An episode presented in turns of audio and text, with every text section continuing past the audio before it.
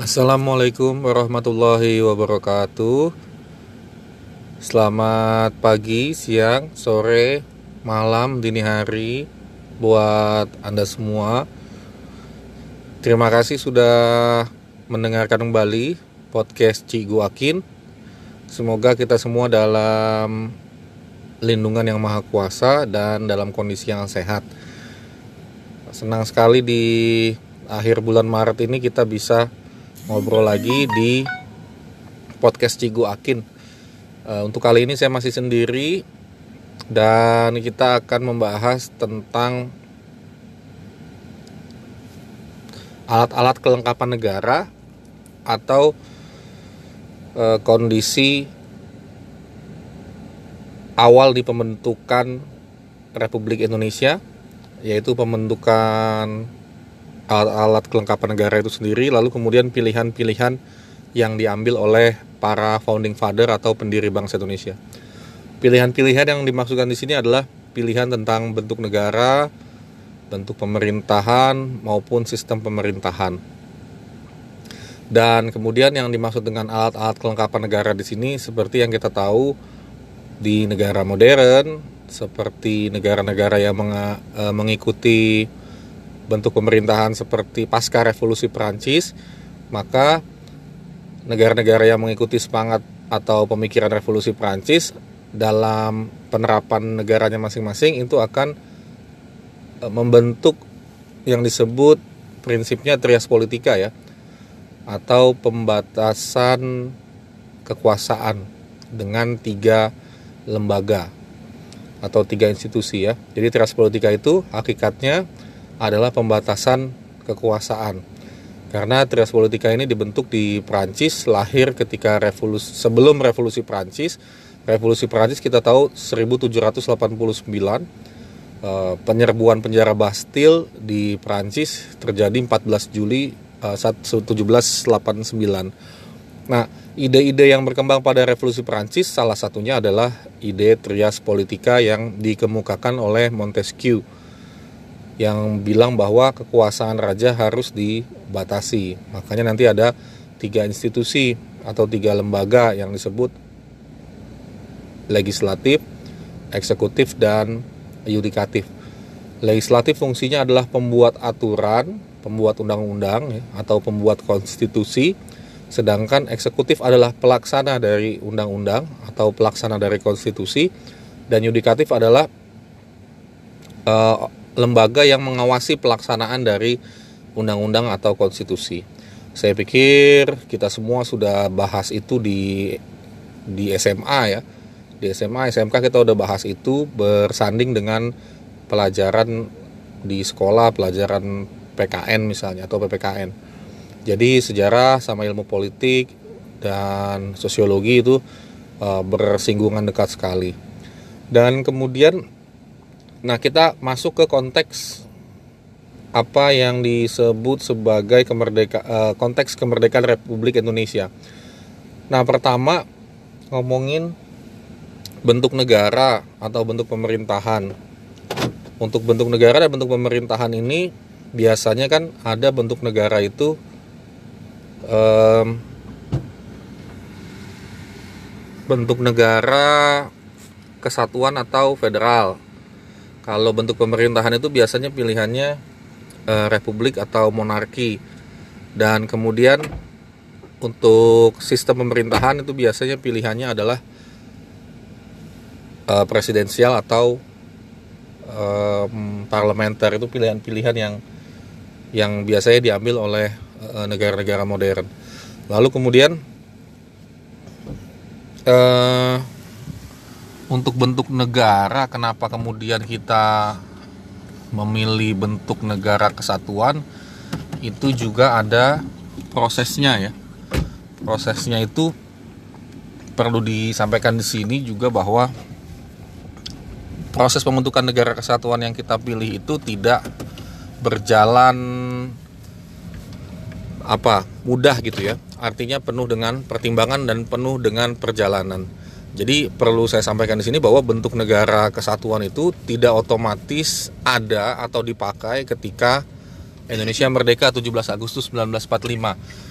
ketika Indonesia merdeka 17 Agustus 1945 itu belum ada istilah negara kesatuan di situ. Jadi itu ber, berkembang seiring waktu dan nanti baru bisa diambil Indonesia itu memilih bentuk negara kesatuan itu ketika 1950. Nanti ada mosi kesatuan dari Natsir ya. Dan kemudian nanti 17 Agustus 1950 baru kita pada akhirnya benar-benar memilih uh, bentuk negara kesatuan. So dari 1945 sampai 1950 belum ada pilihan uh, langsung untuk uh, bentuk negara kesatuan. Nah kita perlu diskusi di sini mudah-mudahan nggak begitu lama diskusinya. Maksud saya diskusi dalam pikiran kita bahwa uh, kenapa kemudian para founding father itu memilih untuk negara kesatuan. Uh, kita bisa lihat bahwa di uh, Republik Indonesia ketika merdeka Belanda ingin masuk lagi kemudian di kondisi nyatanya di wilayah-wilayah Indonesia itu ada negara-negara BFO negara-negara BFO yang sering disebut sebagai negara boneka bikinannya Belanda nah negara-negara BFO itu bisa kita pikir sebagai negara-negara boneka bikinan Belanda atau BFO BFO itu memang bisa jadi ada eh, kondisi-kondisi uh, yang memang mereka mewakili kekuat uh, kekuasaan atau kekuatan atau legitimasi wilayah-wilayah dari kesultanan-kesultanan yang ada di Nusantara. Gitu ya. Kayak misalnya untuk Republik Indonesia sendiri kesultanan-kesultanan itu kemudian mengakui Republik Indonesia kesultanan yang pertama mengakui uh, Republik Indonesia merdeka itu yang pertama 1 September 1945 itu Kesultanan uh, Surakarta mereka yang pertama Habis itu berikutnya menyusul 5 September 1945. Empat hari kemudian itu Kesultanan e, Yogyakarta. Nah untuk wilayah-wilayah yang lain belum ada secepat itu. Mungkin karena di luar Pulau Jawa juga. Nah ada tokoh yang bisa kita jadikan pelajaran ya ketika berbicara tentang tentang konteks negara federal, yaitu tokoh yang namanya Sultan Hamid II. Sultan Hamid II ini e, latar belakangnya adalah seorang tentara kenil dan keturunan dari Sultan Pontianak ya. E, dia Islam tapi kemudian karena berdarah biru dia punya punya keistimewaan untuk misalnya dapat pendidikan Eropa dan kemudian juga masuk apa namanya tentara Eropa gitu. Jadi beliau e, seangkatan dengan e, Sri Sultan Hamengkubuwono X ya kamu bisa baca tulisan saya di aksi aksi.or.id.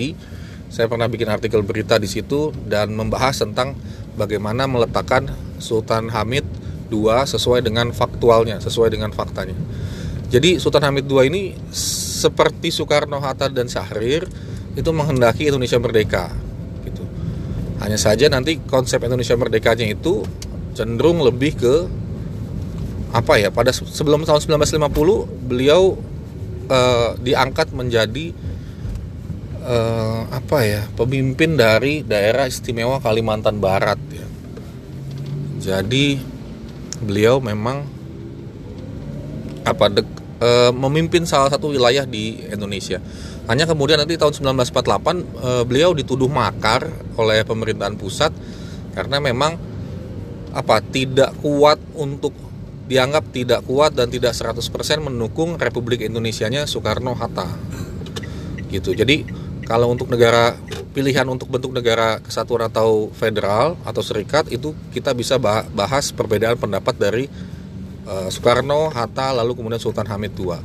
Nah, nanti walaupun Sultan Hamid II nanti kalah secara pemikiran uh, dan nanti Indonesia akhirnya memilih bentuk negara kesatuan negara kesatuan sendiri merupakan respon jadi stimulusnya adalah RIS Republik Indonesia Serikat yang disepakati pasca konferensi meja bundar 1949. Nah, negara kesatuan adalah antitesis dari itu atau respon terhadap itu di mana ya bapak-bapak bangsa kita pada saat itu nggak mau e, nerima atau nggak mau pakai kesepakatan yang di, dicetuskan oleh RIS karena walaupun Indonesia kemudian diakui kemerdekaannya tapi bentuk negara serikat yaitu Republik Indonesia Serikat itu dianggap titipan Belanda atau kepentingan Belanda. Sehingga dihapus gitu ya. Jadi memang semangatnya adalah semangat anti kolonial semangat anti anti Belanda lah gitu. Akhirnya secara politik kekuasaan uh, wacana serikat atau federasi itu kemudian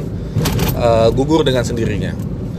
Nah Sultan Hamid terakhir tentang Sultan Hamid beliau adalah uh, perancang lambang negara Garuda Pancasila atau lambang negara burung Garuda yang kita kenal sekarang.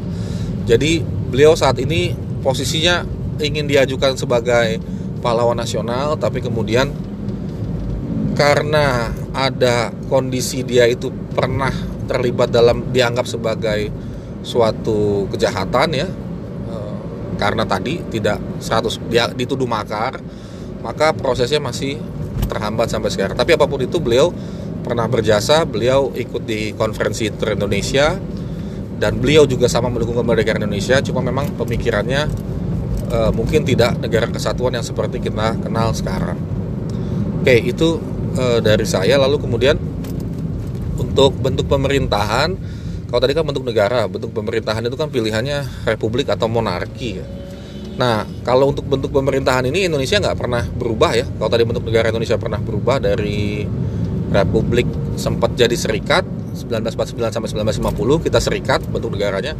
Nah kalau republik ini kalau bentuk pemerintahan kita belum pernah berubah ya. Jadi dari awal sampai akhir sampai hari ini maksud saya kita masih mengambil bentuk pemerintahan yang republik. Dalam bentuk pemerintahan republik itu memang pemikirannya adalah bahwa dari awal ya dari era kedatangan Jepang kalau kita lihat di film Soekarno, film yang disutradarai oleh Hanung Bramantio, di situ di digambarkan bahwa Soekarno dan Hatta memang keduanya itu sepakat kita tidak membentuk monarki, tidak membentuk negara kerajaan gitu ya atau kesultanan. Karena apa? Karena apa ya dianggap bahwa kewenangan kewenangan jalannya negara itu eh, hanya dipegang oleh segelintir orang saja atau seorang yang dianggap raja gitu ya. Nah itu yang tidak diingini oleh Soekarno Hatta dan kemungkinan besar Syahrir juga tidak menginginkan itu. Jadi nah ini Indonesia luar biasa dijajah oleh Belanda yang kerajaan gitu ya. Sempat dijajah juga oleh Jepang yang kekaisaran. Pernah dijajah juga oleh Portugis di Maluku ya dan itu juga kerajaan. Tapi ketika merdeka Indonesia memilih para pendiri bangsa Indonesia memilih untuk tidak tidak monarki gitu tidak kerajaan. Jadi ini cukup luar biasa ini cukup cukup anti, cukup anti mainstream ya. Karena di Indonesia sendiri pada saat itu kenyataannya di wilayah-wilayah uh, Indonesia sendiri banyak yang masih ada kesultanan-kesultanan nih seperti kita bisa bilang ada di Cirebon, ada di Surakarta, ada di Jogja, ada di Bali gitu ya. Tapi wow, memang bentuk negaranya, eh, maaf, bentuk pemerintahnya akhirnya republik. Nah itu yang kemudian bisa kita diskusikan di lain waktu. Jadi memang dari awal, dari awal pembentukan BPUPKI, lalu kemudian PPKI, memang nuansa dari para pendiri bangsa kita memang nggak mau nggak mau uh, monarki tidak mau kerajaan. Itu jadi mungkin sentimen itu yang sentimen itu yang yang menguat karena mungkin dianggap alasannya mungkin karena penjajah penjajahnya justru kerajaan jadi kita nggak mau bikin kerajaan. Cuma nanti kamu bisa lihat ya masa kekuasaan Soekarno lama sekali eh, 20 tahunan dan masa pemerintahan Soeharto lebih lama lagi 30 tahunan sehingga ya walaupun republik tapi presidennya kepala negaranya cukup lama juga me, me, berkuasanya. Jadi ya seperti itu ya. Nanti kita bisa diskusi lagi tentang uh, bentuk pemerintahan ini. Nah dan untuk sistem pemerintahan kita sempat parlementer juga. Kita sempat presidensial juga walaupun akhirnya pasca 1950 kita eh sorry bukan uh, pasca 1959 kita kembali ke presidensil jadi Indonesia pernah mengalami percobaan, sering disebut masa percobaan demokrasi parlementer yaitu 1950 sampai 1959. Kalau kamu buka buku sejarah atau internet, kamu pasti akan menemui itu masa yang disebut masa demokrasi parlementer. Nah, untuk itu pilihannya apa? Sebentar. Waktu itu pilihannya adalah uh, sorry ada suara mobil saya lagi di jalan. Uh, pilihannya adalah uh, kita mau coba gaya apa gitu ya. Kalau untuk parlementer kan memang di Eropa Barat banyak pakai ini dan di Jepang juga pakai ini. Di Eropa Barat maksud saya Inggris kemudian ya Inggris parlementer lalu kemudian Belanda Belgia juga parlementer gitu. Terus kemudian di Jepang juga parlementer uh, kaisar hanya sebagai kepala negara gitu ya dan pelaksanaannya dipimpin oleh perdana menteri. Jadi memang kita kalau ini kita agak luas agak pernah coba-coba juga walaupun nanti setelah demokrasi terpimpin uh, kita kembali ke negara kesatuan. Bahkan di era demokrasi terpimpin kekuasaan hanya berpusat pada Soekarno ya. Nanti Soekarno uh, kekuasaan berpusat pada dia. Jadi nanti dia uh, banyak mengontrol bahkan Soekarno pernah melakukan pelanggaran undang-undang konstitusi dengan membubarkan DPR hasil pemilu ya. Jadi memang suasananya pada saat itu sangat mengental untuk uh, semua kekuasaan berkumpul di sosok Soekarno. Soekarno juga negaranya parlementer tapi beliau juga sebagai kepala negara tapi sebagai kepala pemerintahan juga. nah itu ya. Jadi untuk prinsip-prinsip dari bernegara kita mungkin pembahasannya cukup sampai sini ini pilihan-pilihan yang dibuat oleh para pendiri bangsa kita dan hasilnya kita kita alami sampai hari ini nah mungkin nanti kalau ada mau perubahan-perubahan yang lain itu tentu dengan jalan konstitusi seperti yang paling nyaman adalah dengan amandemen Undang-Undang Dasar 1945 seperti yang sudah empat kali dilakukan semenjak tahun 1999 sampai 2002. Oke dari saya itu dulu nanti kita ngobrol ke pasca 1945 nanti ada bulan-bulan di mana kita bah, e, membentuk alat-alat kelengkapan negara seperti Badan Keamanan Rakyat dan e, Komite Nasional Indonesia dan seterusnya.